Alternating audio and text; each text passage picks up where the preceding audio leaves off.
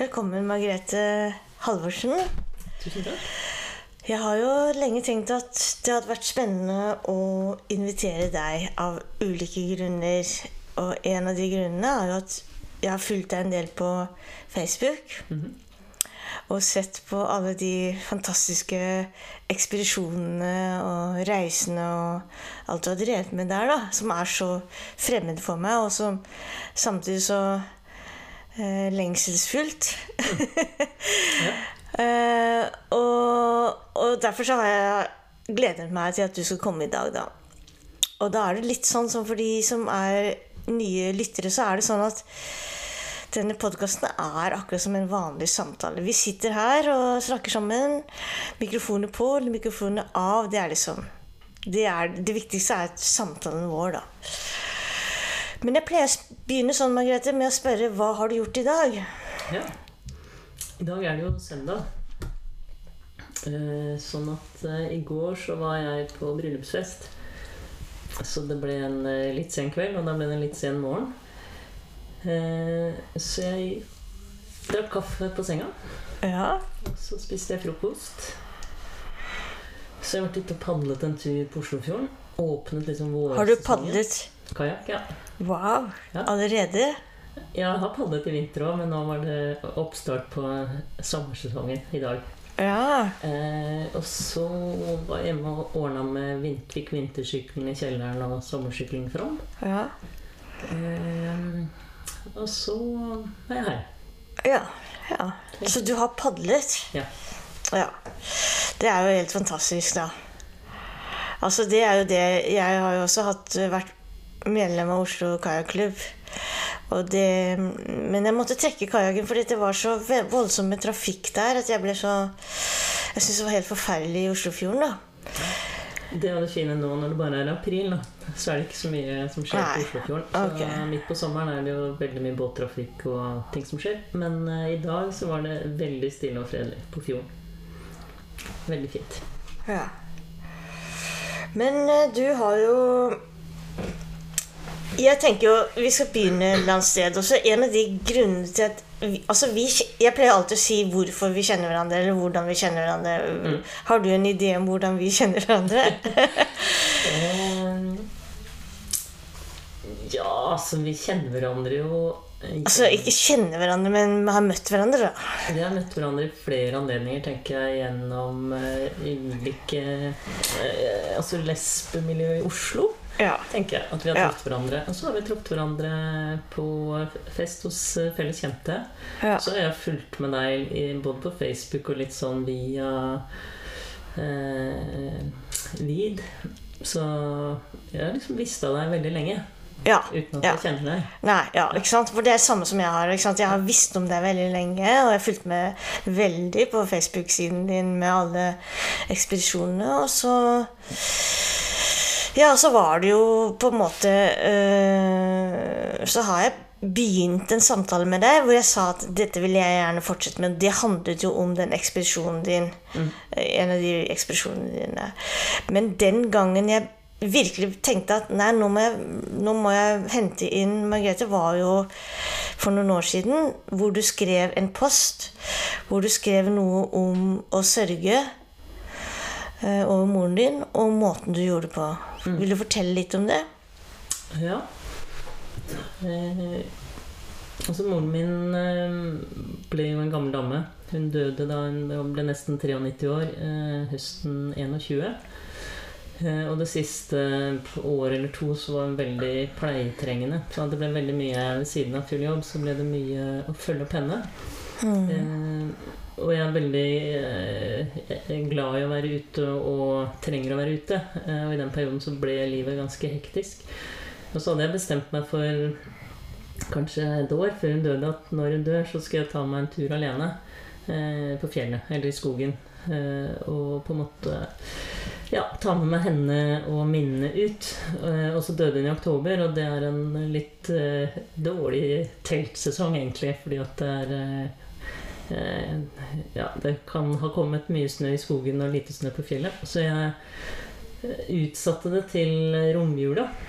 Eh, og da tok jeg en tur alene med telt og ski eh, for å på en måte komme tilbake til henne og minnene med henne. Eh, og være på en måte sammen med henne, og så finne tilbake til meg selv, fordi at det hadde vært så hektisk eh, ja, i lang tid før hun døde, egentlig. Mm. Så Og, og hva gjorde du da helt konkret? Dro du av sted helt alene? Ja. Eh, jeg hadde en idé. Jeg har et, et fjellområde, det som før het Gausdal Vestfjell, som nå heter Langsua nasjonalpark Espedalen. Espedalen. Som- Espedalen? Ja. Ja. Som er et, et snilt fjellområde. et Veldig vakkert eh, fjellområde. Så jeg hadde en idé om at jeg eh, skulle gå der. Så jeg hadde tenkt å gå tre-fire dager alene med telt. Ehm, men den jula så var det veldig lite snø. Eh, så det var når jeg kom opp på Snaufjellet, så var det nesten ikke snø. Så på vei oppover fra Oslo til Espedalen så skjønte jeg det, så da hastekjøpte jeg inn et par truger. Jeg skjønte at det blir ikke noe skitur, det her. Eh, så jeg får gå med truger. Eh, så jeg gikk opp fra Espedalen, opp i Gausdal Vestfjell, og kom ikke veldig langt, men det ble en veldig interessant tur. For det var eh, ja, Jeg vasset i eh, røsling og eh, einebærkratt og vidjesnor og dro pulken og holdt på. Eh, og var ute i var ute tre ja, nest, ja, fire dager alene. Hmm. Og da overnatter du alene og, Overnatter i telt alene. og tenner bål, da, eller? Nei, da Jeg hadde med meg primus, og dette var jo romjula, så det var korte dager. Så jeg gikk mens det var dagslys. Eh, måtte spikre fast teltet i bakken, for det var ikke nok snø til å sette plugger. Så jeg spikret teltet fast eh, og lå i soveposen mange timer og hadde en ambisjon om at jeg skulle skrive. Eh, men det var 15-20 kuldegrader, så det var litt kaldt å ligge og skrive for hånd. Ja. Så jeg skrev noen stikkord, men lå mest og egentlig tenkte og minnet og prøvde å hente henne fram igjen, og hente fram igjen eh, gode minner fra tiden før hun ble pleietrengende. Mm. Og, og jeg tenker jo på det nesten som en sånn eh, Det var da jeg leste det, og jeg tenkte at dette ligner litt på en sånn japansk film. Hvis du skjønner hva jeg mener? Altså Litt den stemningen at man går ut i naturen helt alene, ut i det kalde golde, og sørger over et menneske og, og oppsøker en slags sånn eh, nærhet, da. Mm. Opplevde du det? At du ble litt nær, eller opplevde du at det var distraksjoner med kulde og mørke og Nei, jeg opplevde ikke noen distraksjoner. Altså, nå har jeg vært ute det kan vi snakke om etterpå, men jeg har vært ute mye. Du har jo det. sånn Det er litt noe- annerledes enn meg. Jeg blir ikke så distrahert av kulde eller eh, mørke eller Du blir ikke det? Nei. Nei. Sånn at eh, jeg trives veldig godt i det klimaet og i den settingen. Så det er egentlig Ja. bare en sånn harmonisk, god, trygg atmosfære. Mm. Eh, så det for meg er jo en måte å komme nær på, egentlig. Eh, Mm. Men jeg opplevde eh, Det var ikke sånn at jeg kom nærmere henne. Altså Det var ikke sånn at hun var der på noen måte. Jeg opplevde ikke det. Hun var definitivt borte, men jeg opplevde å komme nærmere meg selv, finne tilbake til meg selv. Eh, hente fram minner, ting som vi hadde gjort eh, eh, ja, Ting som jeg hadde glemt, på en måte. Som jeg eller ikke har tenkt på på veldig lenge. Som jeg fikk tid til å tenke på. Og det er jo det fine ved å være Det er jo ingen andre stimuli. Sånn at det er liksom deg selv og Mm. eh, Mm. eh, Så det, det gir jo tid, og det er ikke dekning, og det er ikke noe å holde på med annet enn å Mm. smelte den lille snøen som var, for å få noe å drikke, og lage mat. eh, Ligge i Mm. posen, tenke, skrive litt. Mm. Var du trist, eller var du liksom rolig, eller Hvordan, hvordan er en sånn sorgreise, da? Det er klart at dette var eh, to-tre måneder etter at hun døde. Ja. Eh, så den Og det var jo Hun døde jo da når hun nesten var 93, så det er klart at det var ikke en eh, Det var mange En stor lettelse også at Ja. hun døde. ja. Eh, Men eh, faren min døde for flere år siden, så det er veldig rart å miste siste forelder. Eh, Så det var en, en type sorg eller en overgang i livet å, å være foreldreløs. Ja. Eh, Så selv om ikke det var en dyp sorg over å miste henne sånn eh, Fordi jeg var forberedt på at hun kom til å dø, selv om hun døde overraskende da, Mm. eh, så så var det ikke en på en måte intens sorg det dro på tur, men det var et, et vemod. En sånn tristhet, men det var et stort behov for meg å være alene med det. Eh, og det har det alltid vært. Jeg har jo, Fra jeg var liten, så har jeg bodd, brukt naturen. Jeg har bodd nær skogen. Jeg har gått i skogen hvis jeg har vært lei meg. Så Mm. skogen har vært en type sted for trøst.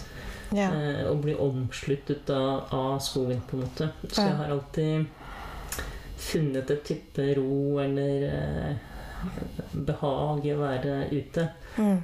Så eh, jeg vil si at det var, det var vemodig, men så var det jo uendelig vakkert. da. Så det var, eh, det var en sånn vinterlys. Eh, så dagene var korte, men det var veldig sånn rosa skjær på himmelen. Mm, vakker solnedgang over fjellet. Det gikk en regnflokk ikke så langt unna der jeg hadde telt siste dagen. Så jeg kunne liksom ligge i soveposen og kikke ut av teltdøra og se den bevege seg ned fra fjellet. Eh, det var veldig sånn eh, rolig og behagelig og vakkert. Samtidig som jeg inni meg var fylt av dette vemodet. Eh, og mm, syns jo på en måte den sorgen etter henne har vært mer en slags eh, Hva skal jeg si? Eh, prøve å forstå livet og eh, litt sånn gå gjennom hvorfor ble det noe sånn for min del og for hennes del og familiens del. Og, så det er sorgen har vært med en slags refleksjonsprosess, egentlig. Mm. Og, og naturen, da Er det øh, Altså, men det er så mange måter å sørge på. Mm. Eh, og, og naturen, da Er det Kan du si litt om hvordan den på en måte var um, avgjørende eller viktig i din sorgprosess? Så både den turen, da, som var på en måte et slags eh, overgangsritual for min egen Ja. del, Det det. og, og andre, andre um, turer, altså korte og lengre, så ja.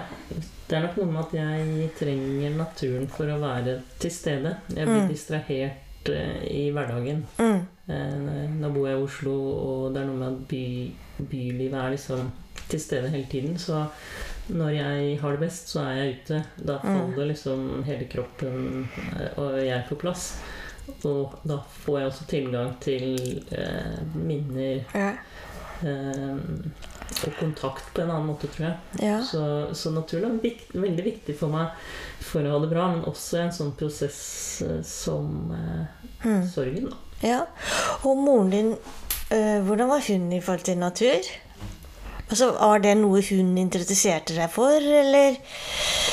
Ikke på samme måte. Altså, vi har jo vokst opp med noen søndagsturer og, og vært ute. Altså, vi har, vi har, den, vi har en familiehytte ikke så langt fra Espedal, da, på andre siden eh, av dalen. Eh, som er en enkel hytte som jeg har vokst opp eh, Er på på. Ja. Ja. Som jeg har vokst opp på, og som eh, hun ville at asken hennes skulle spres på fjellet der. Mm. Sånn at eh, eh, hun hadde Hun har alltid vært veldig begeistret for mine turer, og sånn, men vi har aldri villet eh, aldri, jeg, tror, jeg vet ikke om hun har bodd i telt, jo, jeg tror hun bodde i telt da hun var ung, men, men det var ikke noe, var ikke noe ekstrem Det var ikke den Det er ikke der du Nei, har det Nei, det er ikke der jeg har det fra. Nei. Eh, faren min var mer eh, opptatt av natur. Han og jeg eh, delte interesse for langrenn, orientering, gå i Ja, ja, ja. Så jeg er nok mer av på en måte naturinteressen og kompetansen fra han. Ja. Men moren min var absolutt eh, glad i å være ute. ja. ja. Fordi nå, nå beveger vi oss mot det som Jeg tenker at du er ikke bare glad i naturen. Men for meg er jo du Jeg har tenkt på det du har gjort. da. Så jeg har tenkt at Hvis jeg skal ta selvmord noen gang, så kan jeg bare sette i gang med noen av de prosjektene dine. ikke sant? Jeg, jeg så en gang på, eh, på eh, Finnmarksløpet, eller hva det er for noe. Og så tenkte jeg ja, det hadde jeg mm, Det der ser jo utrolig spennende ut. Men, jeg, men så slo det meg at etter én kilometer så hadde jeg vært død. Hvis du skjønner? Altså, det, jeg hadde, jo- det hadde vært et gratis selvmord, for å si det sånn. Uh, uh, Men, men det er noe av det jeg husker at vi snakket om en gang vi møtte hverandre i et selskap. Det var ikke lenge, men jeg sa at sånn, jeg er så oppriktig nysgjerrig på de ekspedisjonene dine. For, for, fortell litt om de ekspedisjonene. Hva har du gjort? Hva, hvor har du gått? Men du er nysgjerrig fordi det er helt fremmed for deg? Det er helt utenkelig, liksom? Det er derfor du blir veldig nysgjerrig? Nei, jeg, jeg, jeg, vet ikke. Men jeg, jeg, tenker at det er en sånn dyp drøm i meg. Og så er det sånn en dyp erkjennelse om at hvis jeg bare satt utfor i en mil, så ville jeg vært død. Så det, men, men fortell meg om dine ekspedisjoner. Ja. Eh, det er jo om man skal kalle det ekspedisjoner eller turer. Men det må vi jo det- gjøre. Vi kan kalle det ekspedisjoner. Eh, Det, er, eh, det startet eh, Altså, jeg har som sagt alltid likt å gå tur eh, på fjellene og i skogen. Men det startet egentlig i 2011. Så eh, jeg ble kjent med en eh, venninne som hadde samme interesse, så i 2010. Sånn at, eh, og jeg hadde fra jeg var liten egentlig hatt et ønske om å krysse Grønland på ski. Grønland på ski. Ja. Det er det vi snakker om. Ja. Eh, og det var egentlig broren min og jeg som hadde en, en samtale om det når jeg kanskje var 10-12. At mm. når jeg ble voksen, så skulle vi gjøre det. Mm. Så det har vært en sånn drøm i meg egentlig fra jeg var ganske liten. Og så traff jeg henne som sa at skal ikke vi krysse Grønland? Eh, så ble vi enige om å gjøre det. Og, Wow. og det var en gruppetur. Eh, så da meldte vi oss på og trente iherdig og trakk bildekk og forberedte oss. vi gikk i skogen Ja, ja. og trakk bildekk Ja, og alt det der vi har sett på film. Ja. Og jeg har aldri vært så godt trent som da, tror jeg. Eh, så det startet med at vi krysset Grønland. Og så gikk vi gjennom Nordvestpassasjen i Nord-Canada. Uh, og så, etter det, så har jeg funnet ut at det, det er jo veldig Det er jo spektakulært, liksom, og stort, men det er så mye fin natur i eh, Norge, Sverige, Finland. Sånn at eh, nordområdene det er nesten Vi går en tur hvert år mellom to og fire uker. Ja. Eh, og da har jeg gått eh, på kryss og tvers i Nordkalotten, da. Eh, og Ja. Finnmarksvidda. Eh, rundt i Spørs hvor detaljert du skal gå, da. Men eh, egentlig både i Sverige, Finland og Norge. Ja, Ja. Men, men den som interesserte meg, var jo den Grønland. Mm. For da la du ut masse bilder, gjorde du ikke det? Nei, det var før jeg var på Facebook, faktisk. Eh, Men hvem var det som- Men jeg har lagt ut, jeg har lagt ut etterpå, fordi jeg skrev en liten sak om eh, da det var eh, et eller annet årsjubileum for det. Og okay, så skrev okay. jeg noe om at den turen startet Ja. en ny tur for meg. Altså, Den startet en interesse for å være ute på tur over lengre tid på vinteren. Ja, Men iallfall det jeg husker, da, Ja. er jo de bildene som man alltid ser fra sånne. Det, er, det er telt som bare skjelver. Det er så vidt det, det, det er der. Og så ligger man der inne eh, med et bitte lite bluss. Og så er bare ligger man der. og det var det jeg liksom sånn Det var det ene. Og det andre er at gå, gå, gå, gå, gå. Altså den langsomheten og den uendelige tålmodigheten, og samtidig slitet. Altså det er en kom rar kombinasjon for meg. For det er sånn langsomt, det er slit, og det er uendelig. Jeg tror det passer min personlighet helt perfekt. For, fortell. Hvor, hvordan kan det passe din personlighet? Jeg liker ting som er langsomt, Okay. eh, som varer om tid. Okay. Eh, og eh, som innebærer et visst strev. Eh, Strev. Ja, altså, For det var, det var strevsomt, eller? Eller ser det ikke sånn ut? eh, det, Var det ikke hardt? Nei, jeg syns egentlig ikke det. Men det er klart at jeg var jo godt trent da. Men jeg tror det er noe av det som er det fine for meg, da, å gå på den type turer, er jo at eh, det varer. eh, og det er helt uendelig Altså det er helt uforutsigbart. Jeg elsker den opplevelsen av å vite at jeg spenner på maskinen, spenner på meg pulken. Nå er jeg to uker foran meg, jeg aner ikke hva som skal skje. Jeg har en viss formening om hvor jeg skal gå, jeg har lagt en plan, liksom, men jeg aner ikke eh, noe om det som kommer. Og det er det som kommer, som er turen. Okay. Eh, og det syns jeg er dypt fascinerende og, og veldig beroligende.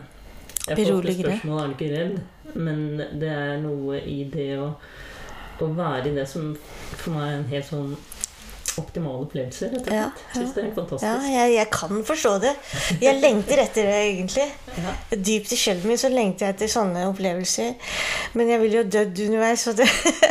Men, men det jeg tenker på, er eh, Det jeg spurte om før, den gangen vi var på fest, eller hva det var. Ja. Så spurte jeg hva er det du tenker på når du går og går og går. Er det sånn at Tenker du at sjelen din flytter seg, utvider seg? Hva, hva skjer med sjelen din? En ting er kroppen din, men hva skjer med sjelen din? Jeg opplever at sjelen kommer eh, på plass. Altså, jeg blir hel eh, ved å være ute. Eh, jeg vet ikke om du hadde sånn kaleidoskop da du var liten? Sånn der kikkert? Ja, ja, ja, jeg elsket det. Ja. Ja. Eh, og jeg kan alltid kjenne det som at eh, når jeg er i, liksom i hverdagen, så er det litt sånn der firkantete brikker i det kaleidoskopet. De er ikke helt harmoniske, liksom. Det er litt sånn hakkete mønster. Men når jeg kommer ut eh, på tur, så er det akkurat som du vrir på det kaleidoskopet, så detter formene på plass. Og så inni meg så er det på en måte helt sånn Da er det myke former. Og de har falt på plass i et sånt vakkert mønster. Og sånn kjennes det som at sjela kommer på plass. Og da er jeg hel. Da er det som om alle cellene i kroppen er eh, liksom til stede og i harmoni, da. Det er, ingenting som, det er ikke noe som skurrer, liksom. Og det er jo en veldig behagelig opplevelse. Ja, og da må jeg bare spørre litt naivt. Ingenting som ubehag, som det å gå på toalett, fryse, sulte Ingenting forstyrrer den harmonien, der. Nei, for jeg opplever at det er en del av turen. Det er en del av tilstedeværelsen. Så det er jo det å mm, være akkurat i det som skjer. Er, Ok. Så et voldsomt gnagsår er ikke Forstyrrende. Jeg har aldri hatt gnagsår. Men- men jeg tenker at det er en ting Det er en del av det å da faktisk ta vare på kroppen. Hvis du merker at eh, det begynner å gnage, så kan du ikke gå en time. Da må du stoppe opp og gjøre noe med Mm. det. Eller er du sulten, så må du spise Altså, det er noe med å mm. Det er jo det som er Det er komplekst og veldig enkelt på samme tid. Du må være veldig til stede, da. Ja, du må være helt til stede. Og, og når du spør hva jeg tenker på Første gang jeg skulle krysse Grønland, så hadde jeg store ambisjoner. At jeg skulle tenke på livet og jeg skulle tenke på hva jeg skulle gjøre i framtiden. Og jeg skulle ta de store livsvalgene. Og så gikk det én dag, og så tenkte jeg på eh, bare her og nå. Ja. Sulten? Liksom, hvordan forebygge, fore, forebygge det og forebygge det? Og Ja, Hvor skal jeg gå på do? Og ja, sånn litt sånne ting. litt sånne ting. Ja. eh, og så blir jo det Det er jo en Det er veldig fascinerende, altså. Ja, det, men jeg har ofte tenkt når jeg går sånn, så tenker jeg Jeg tenker veldig lite. Det er nesten som å rydde opp i harddisken. Eh, fordi at eh, eh, Det er veldig I hvert fall for min del. Det kan hende andre har det sånn. Jeg går aldri med noe på øret. Jeg hører ikke på noen lydbøker eller musikk. Nei, når du går ting. sånn i nord... Nei, Det er noen som gjør det på tur også. Selv på ekspedisjoner? Ja, Oi. Eh, Ja, det, det hadde jeg ikke trodd. men Ja. det, det gjør jeg aldri, verken på korte eller lengre turer. Men eh, det er veldig vanskelig å tenke lange tanker, fordi de blir liksom dratt til her og nå. Og så er det jo noe med å være ute i naturen som fanger oppmerksomheten, sånn at tanken blir eh, det er, det er veldig tanketomt, for å si det sånn. Er det det? Samtidig som det er veldig tilstedeværende. Jeg tenker på det som egentlig Sånn som nå i vinter, så gikk jeg eh, på Finnmarksvidda fra øst til vest, fra noe som heter Leva Optimasi. Eh, og det var ned mot 37-40 kuldegrader eh, i starten. Og så ble det mildere etter hvert, da. Men da er det jo eh, Jeg tenker veldig, veldig lite. Og det er Ja, veldig ja. deilig. Men syns du det er deilig? Jeg, jeg, jeg syns det er deilig. Ja, For ok. det, det er eh, For jeg hadde tenkt at det var deilig å få noen nye tanker hvis jeg gikk sånn, da. Men det skjer ikke kanskje så lett. eh, Det er mer den umiddelbare opplevelsen. Det er veldig mange naturinntrykk. Det er Mm. veldig mange eh, Nå er jeg glad i å fotografere, da, så jeg tar mye bilder underveis. Mm. Eh, men det er jo veldig mye som oppstår av undring. Hvorfor i all verden er det sporet der? Hva slags spor er dette? Hvorfor er snøen sånn? Eh, Jøss, det vokser den type trær her. Hvorfor vokser de der? Hvorfor er det mose på den siden? Altså, det er sånne Ja, Eh, det høres jo helt vidunderlig ut. Det, Det høres jo helt vidunderlig ut, ja. Men det er ikke, jeg kan ikke Nei, det. Det nei. store filosofiske Nei, ok, for det er det jeg tenkte at hvis jeg kunne gå sånn og, og klekke ut en roman Ja, kanskje, hvis det ikke Men jeg tror det har noe med det liksom. Hvis du går da nå gikk vi to uker eh, i eh, ganske kaldt eh, klima. Mm. Eh, så er det jo noe med å ha det, overleve og ha Ja, det bra. ja, ja. Sånn at jeg tror kanskje Men kanskje hvis du hadde gått eh, i varmere strøk eller i mer behagelig, så kanskje. Jeg vet ikke. Men Nei. jeg tror det er noe med jeg, jeg tror jo at det er noe med eh, diagonalbevegelsen, Ja. vandringen. Gjentagelsen, repetisjonen. ja, og naturens iboende Ja. kraft som påvirker er, oss i nysgjerrighet. det er jo kjempefascinerende, fordi du sier at det, det på en eller annen måte så trumfer det eh, da alle de tingene vi tror vi holder på med, da, Ja. som er så viktig. Du sier til meg så sier du implisitt at det å bare gå og se ned, passe på å ikke falle, følge med på vær og vind, øh, tenke ut hvor skal jeg gjøre fra meg altså Alle de tingene der, de trumfer de eksistensielle spørsmålene. Er det sånn? Ja, men så er det jo store filosofer som jo har vært ute og vandret og tenkt store tanker, så der kan jo hende at det er min kapasitet som ikke strekker Nei, for det noe Nei, ja. Eh, Men jeg, jeg tror det har noe med Det tror jeg litt var kanskje intensjonen ja. også er. Altså, Hvis jeg skulle klekket ut en roman, eh, så tror jeg nok at jeg hadde også tenkt at det var fint å være ute. Du hadde det? Ja, Men Ja, da ville jeg kanskje gått på en ekspedisjon sånn, hvor jeg Ikke måtte overleve. overleve. Nei. nei. Eh, Men jeg ville tenkt at det å gå ute hadde vært Men da tror jeg at jeg hadde vendt tanken innover mot å tenke på romanen. Mens når jeg er ute og går, så, så vendes jo oppmerksomheten ganske automatisk utover. Men det er så ekstremt, det du gjør. Ikke sant? Det er forskjellen, da. Det er veldig ekstremt. Altså, jeg, jeg har tenkt litt før du skulle komme og tenke på at Vet du hva, jeg elsket som barn å være ute i naturen. Jeg vokste opp eh, Håviland, Søndre Land. Eh, og der var det skog. Det var ingenting annet å gjøre. Mm. Ikke sant? Det var skog. Og jeg var speiderleder. Og det, jeg bare satte i gang hver helg eh, turer og, og laget bål. Det var det som var min greie. Steke ostesmørbrød, steke smørbrød med brunost som smeltet. Altså, jeg hadde bare altså, Det var sånn lykke da rundt det å få til et bål. Det var alt å gå på tur, lage bål, tilbake. Jeg har aldri kjent en sånn hva skal jeg si, fullkommen lykke. Sånn full, full, full, Ja, ikke sant? Eh, og jeg har tenkt på det også senere at eh, alle mine fantasier går jo på det å overleve, liksom. I, i huler og i, i på en måte mm, Ja, sant, husbåter altså Alt handler om det der lille formatet å overleve i naturen. Som er et sånn, jeg tenker det er et veldig sånn genuint sterkt spor som blir borte, da. Ja. Det er jo sant, Men du får det til. Det er en veldig sterk lengsel i meg for å være ute på den måten. Ja. Og jeg tror at Jeg kjenner vel at det er da jeg slapper av aller best. Ja. Eh, sånn at eh, det å vite at jeg kan gå ut eh, og være ute på den måten, det, det Ja. hjelper. Ja. Men så er det Jeg tenker ikke sant Jeg kan tenke Når jeg da ikke tenker noen ting, da, så kan jeg jo bli litt skamfull. Så jeg tenker nå har jeg gått to uker og vasset i snø og ikke tenkt en eneste tanke. ja. Eh, er Blir du utålmodig. Nei, jeg blir ikke utålmodig. Jeg, det, jeg trives godt med det, men jeg kan okay. få en, det er akkurat som en liksom, kommer en, en eller annen tanke som sier Er dette god bruk av tiden, Margrethe? Ja, Nå ja. har en kollega der lest for ferdig Hegel han, Nå har lest seg ferdig på Hegel samlede verker, Ja. eh, mens du har vasset her i snøen. Er det ah, oh ja, er det, er, det, er det noe nyttig? Og så Ja. jeg nei, det er ikke nyttig for noe annet enn at jeg har det bra. Ok. For det, det er jo det jeg lurer på. Det er jo det jeg lurer sterkest på, fordi eh, det å kunne tillate seg, både tidsmessig, økonomisk og praktisk, å være så mye ute i naturen, da, som det du har fått til. Og så tenker jeg på at du er psykolog. Tenker du noen gang på dette sånn knyttet til en terapeutisk praksis, eller tenker du mye mer som dette er min spa? Eh, Jeg tenker absolutt på det, og jeg, jeg har jo tenkt ganske mye på hvordan jeg kan bruke naturen i behandling.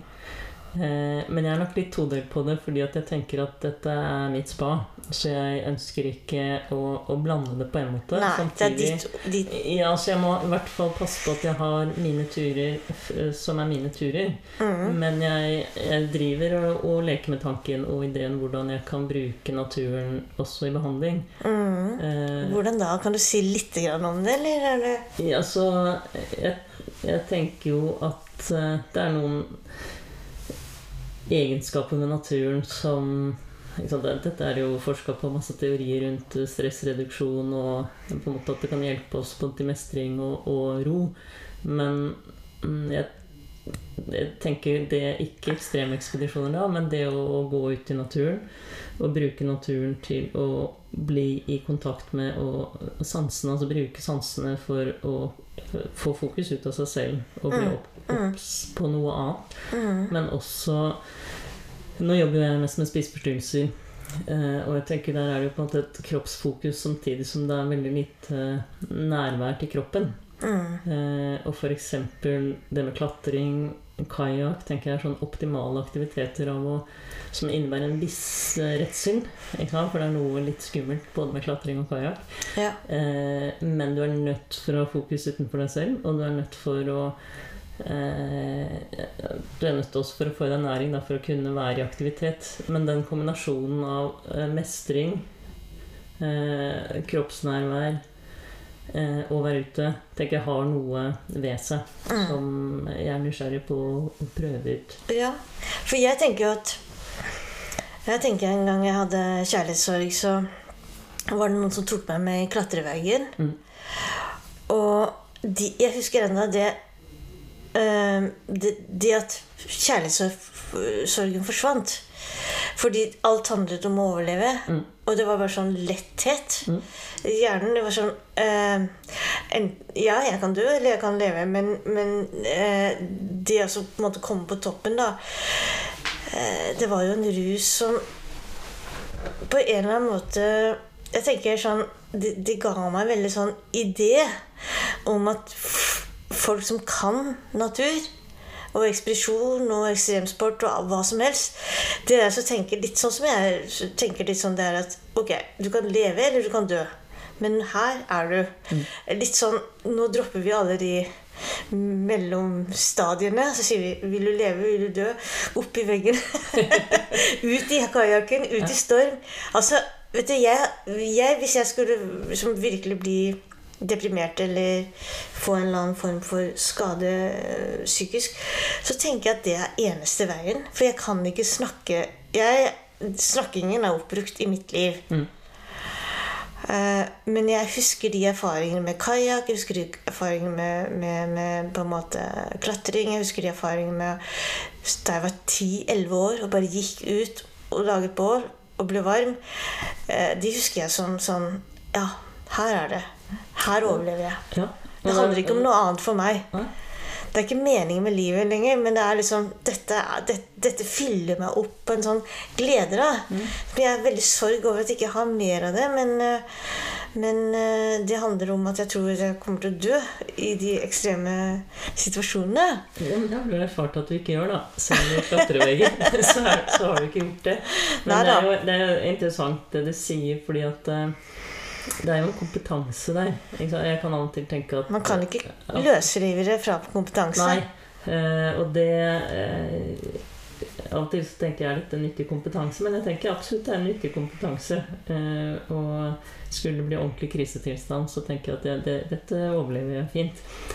Um, men jeg tenker at den, det ligger jo en uendelig mulighet til å tilegne seg kompetanse fra at man ikke kanskje syns at naturen er skummel, da, Ja. eh, til å finne ut av hvordan kan jeg være Ja. her.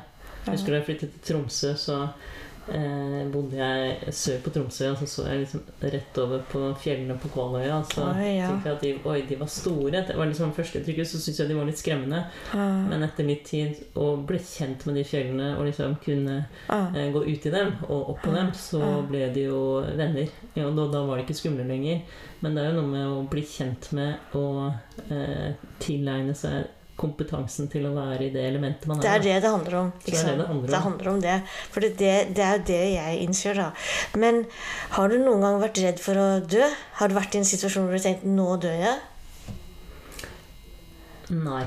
Jeg har aldri vært eh, redd for å dø. I, og ikke, eller ikke vært i en sånn situasjon hvor jeg tenker at dette Jeg har vært i situasjonen jeg tenkte at dette er ikke så bra at jeg er her. Mm. Eh, men jeg har ikke vært redd for å dø. Nei. Men i fjor så eh, gikk eh, venninnen min og jeg da gjennom Gikk fra Sulitjelma til noe som heter Saltolukta, gjennom to nasjonalparker i Sverige som heter Padjelanta og Sarek. Og midt i Sarek så kom det et enormt uvær. Eh, Mm. med vind opp i orkanstyrke og regn. Dette var i mars, men det var altså et forrykende uvær som varte veldig veldig lenge, og mye lenger enn det værvarslingen sa at det skulle vare. Oh, Eh, og da lå vi 40 timer i telt, hvor teltet ble eh, dratt i alle kanter, og teltstengene ble slått i bakken, og det regnet sånn at snøen rundt teltet smeltet, så jeg var jo redd for at eh, pluggene skulle løsne. Og et helt sant inferno. Eh, og da, etter en stund der, så tenkte jeg at det her er ikke sikkert at det går bra. Jeg trodde ikke jeg skulle dø, men det var mer sånn Må vi evakuere? Eh, her er det ingen som kan komme og redde oss på nåværende tidspunkt. Eh, hvis teltet går i stykker, hva gjør vi? Så da, da var det mer sånn forberedelse på Mm. eh, selvevakuering. Ja. Eh, så jeg var skjerpa, liksom. Begge var veldig skjerpa, men jeg var ikke redd for å dø. Det var jeg Nei. ikke. Nei. Nei. Du, du har jo valgt å bli psykolog. Ja. Eh, var det Er det noe du har drømt om, eller? Eller det ble blitt sånn, eller? Nei, det ble Altså Nei, jeg, hadde, jeg visste vel ikke helt hva jeg, hadde egentlig lyst til å bli fotograf. Oh, ja. Eh, og så skulle jeg bli antropolog, så jeg tok mellomfag i antropologi. Eh, og religionshistorie, så jeg, egentlig, jeg hadde egentlig mest lyst Jeg var opptatt av buddhisme og hadde lyst til å reise og jobbe i Tibet. Det var egentlig den største drømmen. Eh, mm, og så tok jeg u-landsstudier og var på et feltarbeid i Namibia. Så tenkte jeg at eh, ja. Har du vært i Namibia? Ja. Ja, det har jeg vært mange ganger, ja. Ja. Eh, men jeg tenkte nei, det går ikke an å jobbe på samfunnsnivå. Det er for vanskelig. Man må jobbe med enkeltindivider. Så tenkte jeg nei, det må bli psykologi. Så da eh, begynte jeg oss til psykologi. Så eh, Og det angrer jeg jo definitivt ikke på. Men det er mange ting jeg tror det er mange ting jeg kunne drevet med. Det, det har ikke vært en sånn dyp barndomsdrøm på noen som helst måte. Det har det ikke. Hva var barndomsdrømmen, da? Tror du du vet det, eller?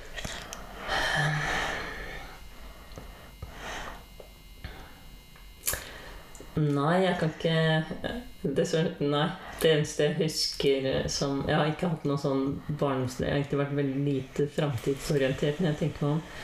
Eh, men jeg kom på det her forleden i en annen sammenheng. Men den drømmen jeg hadde da jeg var liten, var jo da jeg så Ante på barne-TV. Jeg vet ikke om du så på Ah, Ante? ja, ja, same, ja. ja. Eh, og da Same drømte jeg om at jeg kunne være reindriftssame. Oh. Og få lov til å, lede Ja, reinflokkene ja, fra sommerbeite til Wow. vinterbeite og motsatt. Mm. Eh, Det var den drømmen jeg hadde som liten. Mm. det var ikke en eh, yrkesmessig Nei, ja. Nei, men altså, jeg, jeg, jeg, kjenner det igjen. Men Det er, eh, de, de, hvordan de drømmene liksom er veldig sånn konkrete. konkrete. veldig konkrete da. Men jeg har ikke mm, ikke hatt Jeg har vært veldig lite um... Ja, ja, så ble du psykolog. Ja. Og da har du jobbet nå Jeg, jeg tror du har jobbet i sånn psyk, psykisk helse Har du øh, Jeg bare jeg har ikke fulgt med på karrieren din, men før du begynte med spiseforstyrrelser, så jobbet du med Jeg forskning, jobbet, eller eh, hva? Jeg har vært psykolog i 20 år. 22 år.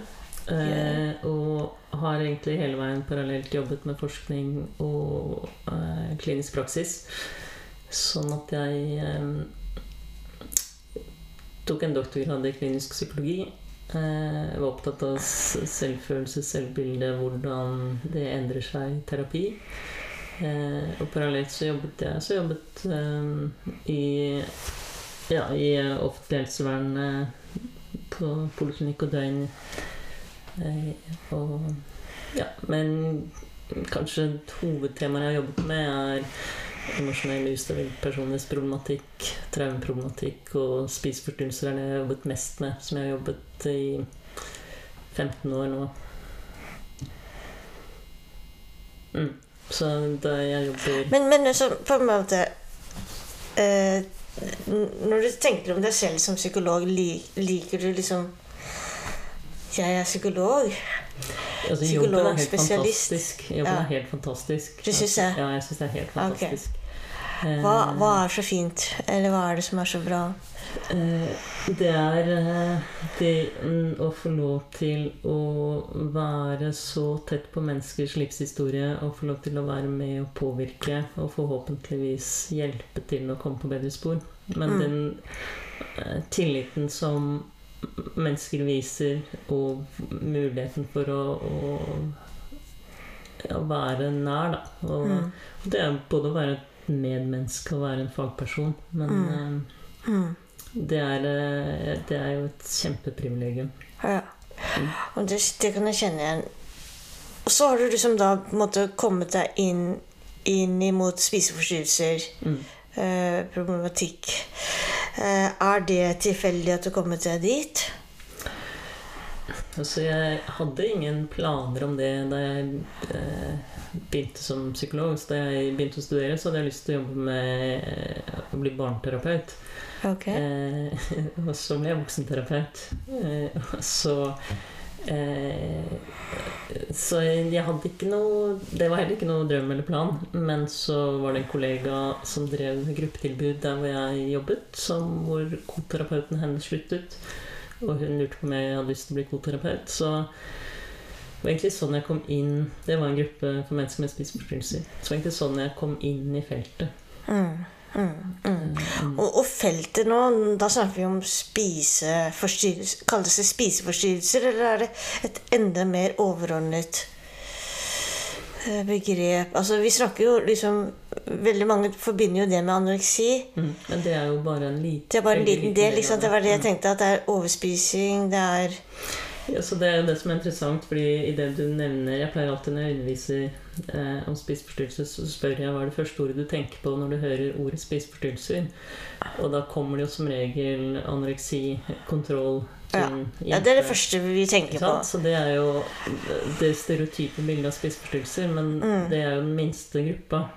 Ah, er det minstegruppa? Ja, så- Det visste jeg ikke. Så den største gruppa er overspisingslidelse. eh, Overspising, ja. og, og så er det bulimi, eh, og så er det anoreksi.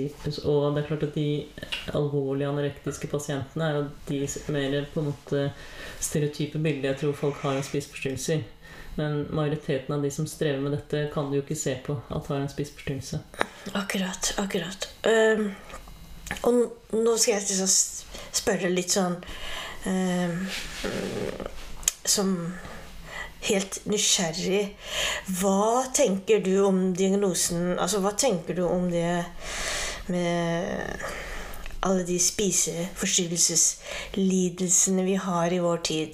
Har du, et, har du noen tanker om det? Altså, fordi det er veldig Altså, da jeg vokste opp eh, på 60-tallet, så var det jo ingen.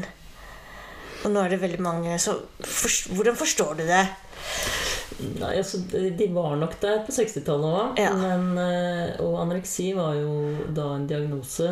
Eh, Bulimi ble jo først en diagnose i 1980, da DSM-3 kom. Overspisingslidelse er først blitt en diagnose nå, med DSM-5, som Mm. kom i 2013. Sånn at det har jo også noe med hva er det vi ser etter. Det, det var ingen som spurte etter eh, oppkast på 60-70-tallet. Men på 70-tallet så øh, ble sant, Da var øh, anoreksi en øh, kjent psykisk lidelse. Men, men øh, Hva ble den kalt da? Det... Nei, altså den, den, den ble kalt anoreksi da, for den var den oh, ja, inne for det var i- såpass ja, inne. Ja. Mm. Eh, så det har litt med hva vi ser etter, tenker jeg. Ja. Og at det er blitt et fenomen Mm. eh, som man kan se etter. Sånn som at overspisingslidelse, veldig mange som strever med det, har jo gått under radaren fordi det ikke har vært et begrep på det. Mm. Så Det, det, nettopp det. Det syns jeg er veldig interessant. Det, det at vi mangler begreper, så forsvinner det. ja. Så, Det gjelder jo mange ting. Ja. Eh, så det har nok noe med det å gjøre, men så har det jo noe med kulturen og samtiden å gjøre også. Eh, nå har ikke Altså Fra 70-tallet så har nok forekomsten økt, men det er ikke sånn at økningen av alvorlig spiseforstyrrelsesproblematikk har økt betraktelig de siste 20 år. Nei. Ok. Eh, men eh, mer sånn subklinisk, altså at, at eh, fenomener knyttet til mat, Mm. eh, kropp, slanking, slanking, kroppsmisnøye, det har Mm. økt. Eh, og under pandemien så økte henvisninger av unge, særlig jenter, eh, med spiseforstyrrelser. Men, men egentlig så er det sånn eh, Det her er jo også litt vans vanskelig å forske på de type tall, men det er ikke sånn at det er en eksplosiv vekst. Nei. Det er det ikke. Oh, Men, Ok. eh, men eh, Så den forekomsten eh, Det er nok en økning, men den er ikke sånn at den er markant over tid. Da. Det er den ikke. Hmm. Men, men hva tenker du da? Liksom sånn, hvis du skulle prøve å tenke litt sånn Du er terapeut, du har en jobb. eh, Hvordan forstår du fenomenet? Er det altså, La meg begynne litt sånn naivt, da. Er det født sånn? Blitt sånn? Altså Eh, altså Jeg tror jo at eh, majoriteten er blitt sånn, ikke født sånn. Ja. Eh, selv om det er en viss eh, absolutt av dette også. Men eh, em, Og så er det jo viktig at spiseforstyrrelser er jo veldig stor variasjon i alvorlighetsgrad. Mm. Eh, Sånn at det er veldig mange veier inn i en spiseforstyrrelse. Eh, Så jo mer Hva skal jeg si mm, Altså mm, Veldig mange, med forbehold, sant? det gjelder ikke alle, men veldig mange Ja. strever jo med eh, å stole på seg selv. Stole på egne eh, ønsker, behov, drømmer, signaler fra egen kropp. Det å egentlig å forholde seg til seg selv. Veldig Mm. ytterstyrt, avhengig av Mm. sånn, redd for å gjøre feil.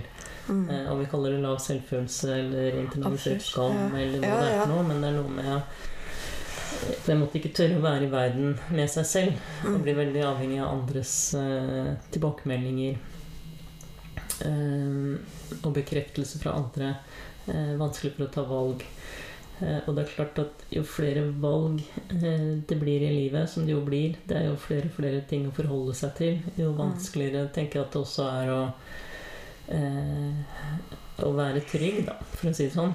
Mm. Og da, og mange syns at spiseforstyrrelser er veldig rart og, og vanskelig å forstå, men, men kroppen er jo det mest nærliggende vi har. Det er utrolig naturlig å gå til kroppen. Hvis du Si litt mer om det. Ja. Si litt mer om det og kroppen. Nei, så jeg tenker at uh, både selvskading og spiseforstyrrelser er jo kroppslige uttrykk. Eh, og, og hvis vi opplever at vi ikke har kontroll på livet, at vi ikke har kontroll på oss selv, omgivelser, eh, det å være i verden, så er det mulig å ta kontroll på kroppen. Den er det ingen som kan ta fra oss. Ah, og det, det, det- det, er den vi har tilgang til? Ja, jeg tenker den har vi tilgang til. Den er veldig nær. Eh, hvis vi opplever at eh, andre invaderer, det er vanskelig å sette grenser, det er vanskelig å si fra, eh, så kan kroppen bli et uttrykk for det. Mm. Et, et Mm. kroppslig uttrykk for noe. Eh, så for meg så er det nat veldig naturlig at kroppen blir et type språk, da. Ja, ja, Eh. ja. Altså, Finn Skårderud har jo sagt en ting som jeg syns er litt interessant. Han sier at eh, eh, kroppen er den nye sjelen. Det er litt det du snakker om, kanskje? Ja, på en måte. Altså Jo, for jeg syns det er et veldig sånn interessant utsagn. Mm. Altså at på, på, på en måte nå, nå er det der vi uttrykker oss. Mm. Altså Det er der vi blir, ønsker å bli sett. Det er der vi ønsker å Mm. ja, kontrollere, da. Som du sier, da. Eller jeg vet ikke. Ja, altså, Det gjelder jo hele spekteret av hvordan vi skulpturerer kropper. Eh, hvordan vi ønsker er å se ut, hvordan vi bruker kropp. Ja, ja. Eh, kroppsidealer helt over i spiseforstyrrelsesfeltet.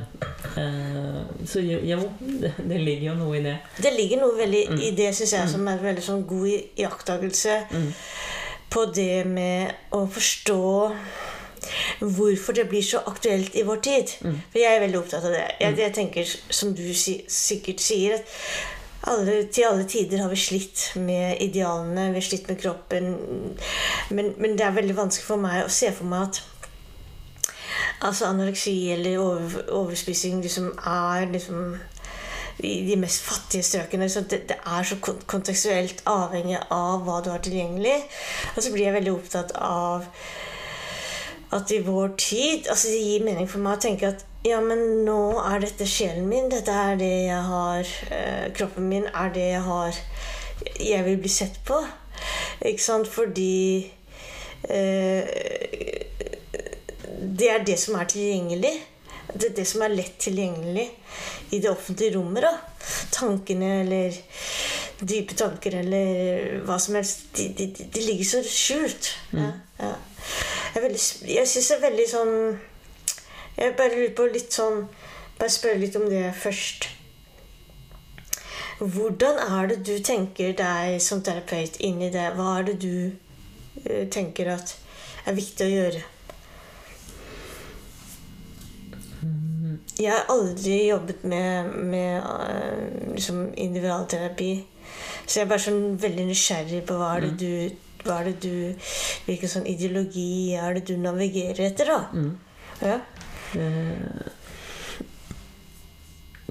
det vil jo være litt avhengig av hva slags type problematikk, men ofte så er jo ikke motivasjonen for endring veldig stor.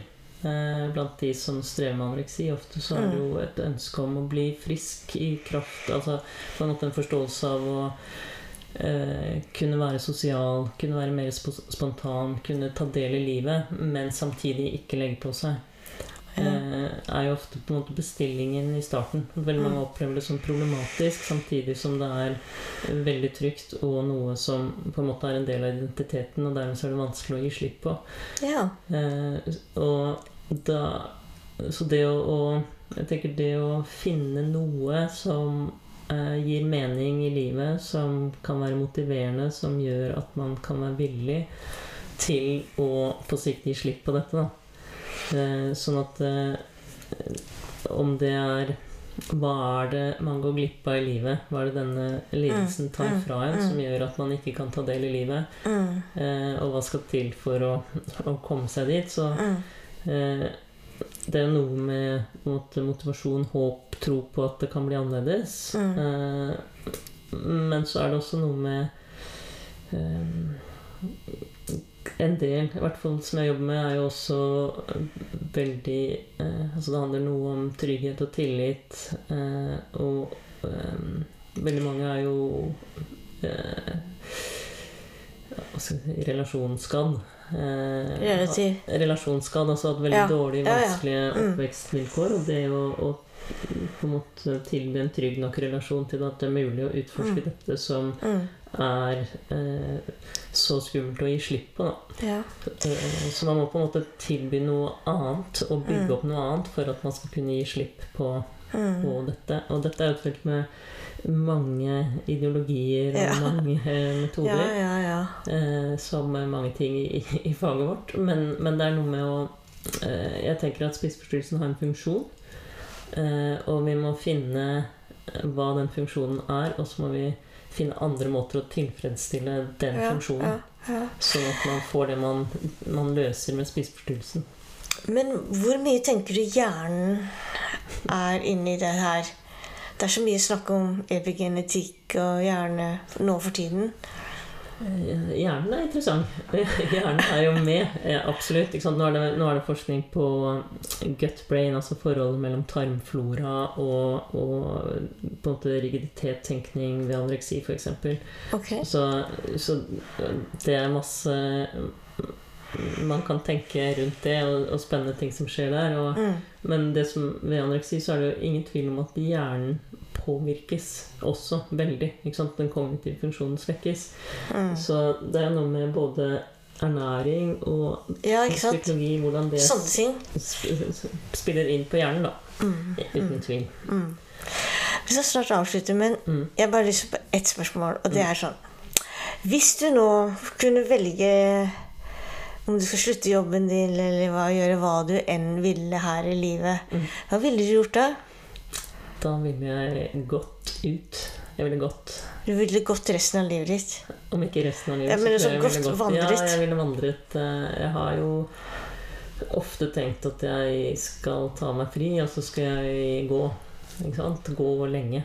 Ja. Eh, gjerne gå et eh, På kryss og tvers. Jeg går hjemmefra, og så kan jeg gå opp Norge, og så kan jeg gå ned igjen Sverige, og så kan jeg gå hjem igjen. Eh, for det er noe med det å gå som er noe helt sånn grunnleggende menneskelig, og det er noe Jeg syns det er veldig fascinerende med det å gå, da. Eh, For jeg tenker det er et mirakel når vi reiser oss opp på to ben og begynner å gå. Og så derfra så er det på en måte tar vi det for gitt. Eh, inntil vi blir, som min mor, sittende i rullestol. Eller at det skjer noe så vi blir skadet på en eller annen måte. Men vi, vi tar for gitt at vi kan gå, liksom. Mens det er noe helt jeg tenker det er noe helt uh, fascinerende ved det menneskelige å gå. Så jeg kunne tenkt meg å gå, ja.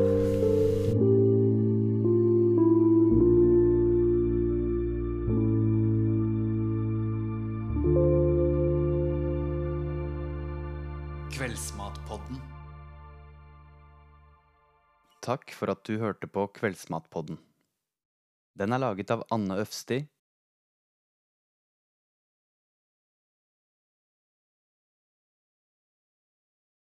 Musikk av Torjus Hepsø Gullvåg.